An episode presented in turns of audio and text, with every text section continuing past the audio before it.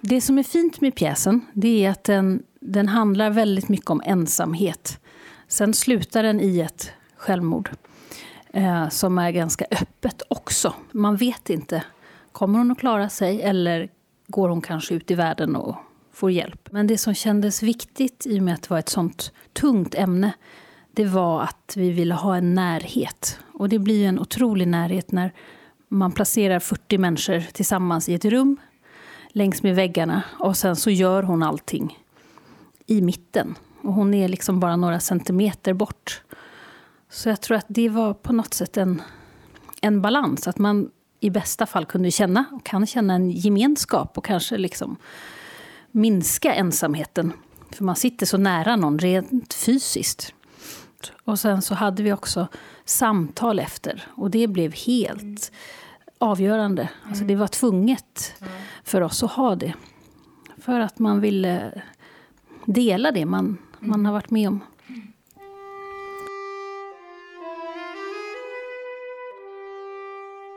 Har du själv några erfarenheter av det här temat? Alltså i ditt eget liv, dina anhöriga eller vänner eller någonting?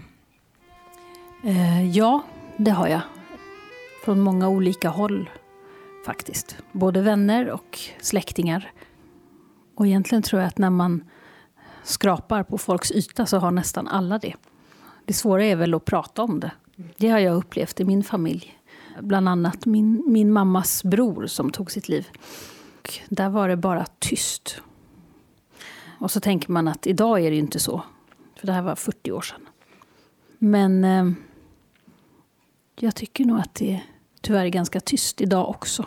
Men därför har det också känts så otroligt viktigt att fortsätta att spela föreställningen. Och det är därför vi inte har slutat heller.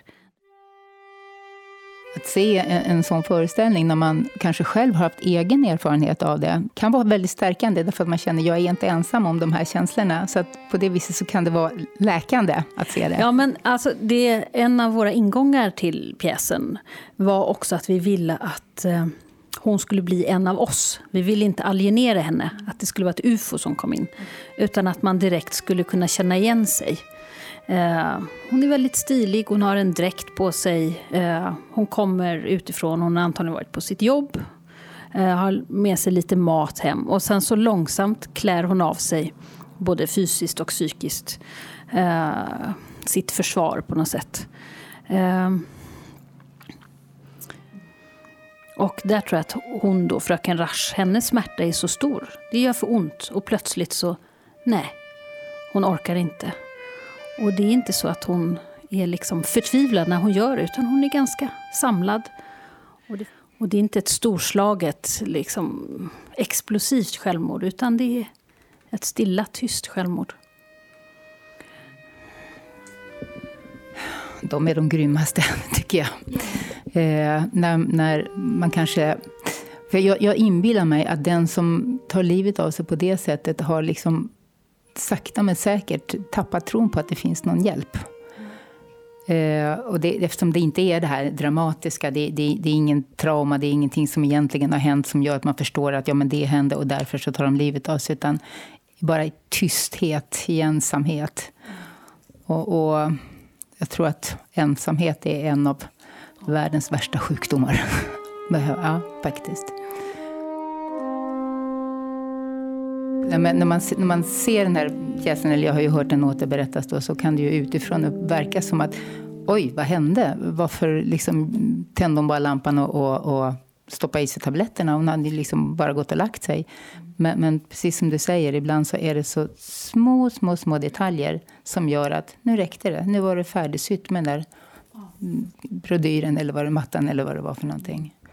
Och det är ju väldigt svårt för omgivningen att uppfatta sådana signaler att det skulle kunna utlösa det, den desperata handlingen som det ändå är. Mm. Det där att eh, det finns en lättnad i att ha bestämt sig.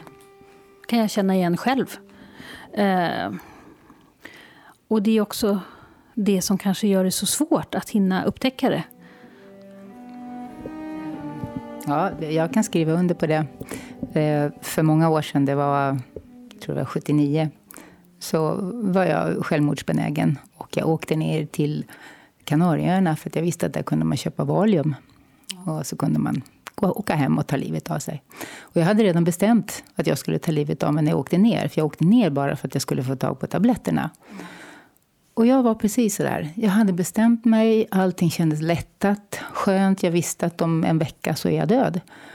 Uh, och uh, en kväll när jag sitter där på hotellrummet så tänker jag så här, jag skulle kunna gå ut och dansa. Och det är en väldigt konstig ja. idé, liksom, när jag nu ska dö alldeles snart. Ja. Och det fanns ett ställe som hette Why Not? så jag går dit och dansar och jag har trevligt.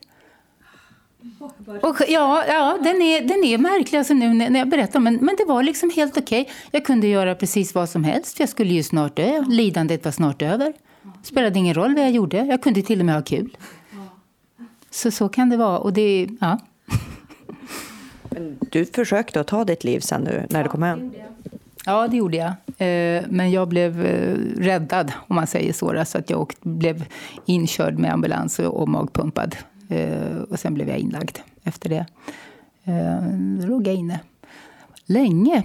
Eh, på den tiden, alltså det här, nu pratar vi sena, sena 70-talet. Då, då, låg man inne, då kunde man få ligga inne länge. Och eh, jag låg inne nio månader. Och jag kan säga att de nio månaderna, det var som att vara gravid och äntligen få födas fram och få ett liv. Ja, jag, jag, kom, jag, jag blev född till liv efter det. det. det. räddade mig den tiden helt och hållet. Annars hade jag, liksom, hade jag inte fått den tiden så hade jag, nog, hade jag absolut inte levt. Så var det. Så jag är så oerhört tacksam för den tiden och de människorna som fanns där. Så det, mm. Så det är lite skillnad mot hur det är idag. Det, man får ofta inte den tiden på sig och det stödet som man kanske kan behöva i en akut kris som man är inne i.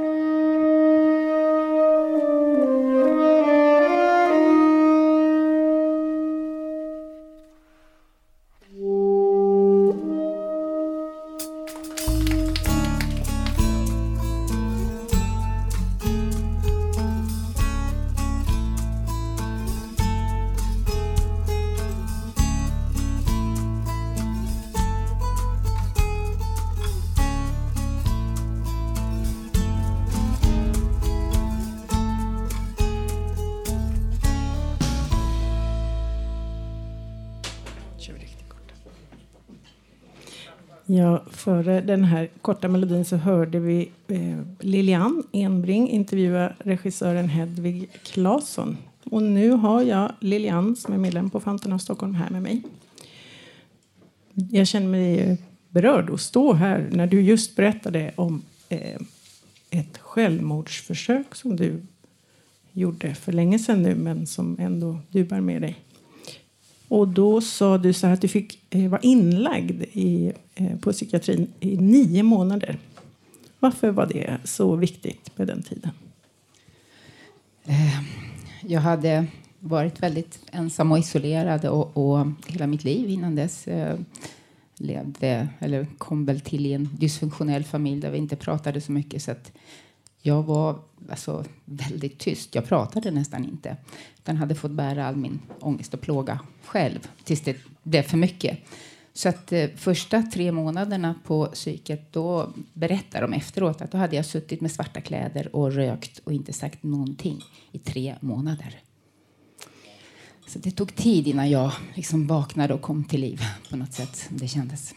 Vad tänker du om eh, vad man hör nu att det är målet är att korta vårdtiderna och att till och med eh, att man ska ha som någon slags mål att eh, vara inlagd ungefär en vecka bara.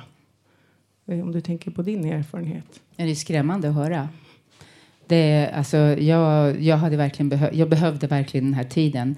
De människorna som hjälpte mig liksom att komma till liv som det kändes för mig. Eh, och idag bara att prata om en vecka eller fem dagar, alltså jag, jag tycker det är fruktansvärt. Eh, jag har viss förståelse för det här med att man, man inte ville institutionalisera och hospitalisera människor. Jag vet att det kan förekomma.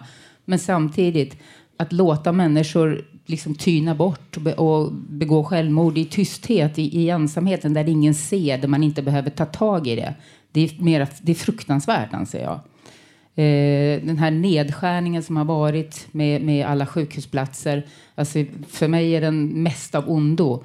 jag tror ändå att om du har människor runt omkring dig så finns det ett hopp på ett annat sätt. Du ser att andra människor lever, de interagerar med dig. Det finns ett hopp. Men sitter du där ensam och inte har någon, då försvinner hoppet ganska lätt. Eh, kloka ord från Lilian Enbring. Eh, nu vill vi säga här i Radio Talmal när vi tar upp det här allvarliga ämnet som självmord är att om du eller någon du känner mår dåligt så kan man höra av sig till till exempel jourhavande präst eller jourhavande, jourhavande medmänniska. Man kan ringa till Självmordslinjen. Och sen är det alltid så här när det är fara, akut fara för, för eh, liv, då ringer man 112. Såklart kan du ringa 1177 om du eh, inte är, om inte är akut sjuk utan du behöver rådgivning. Det finns, det finns hjälp att få. Tack Lilian. Tack.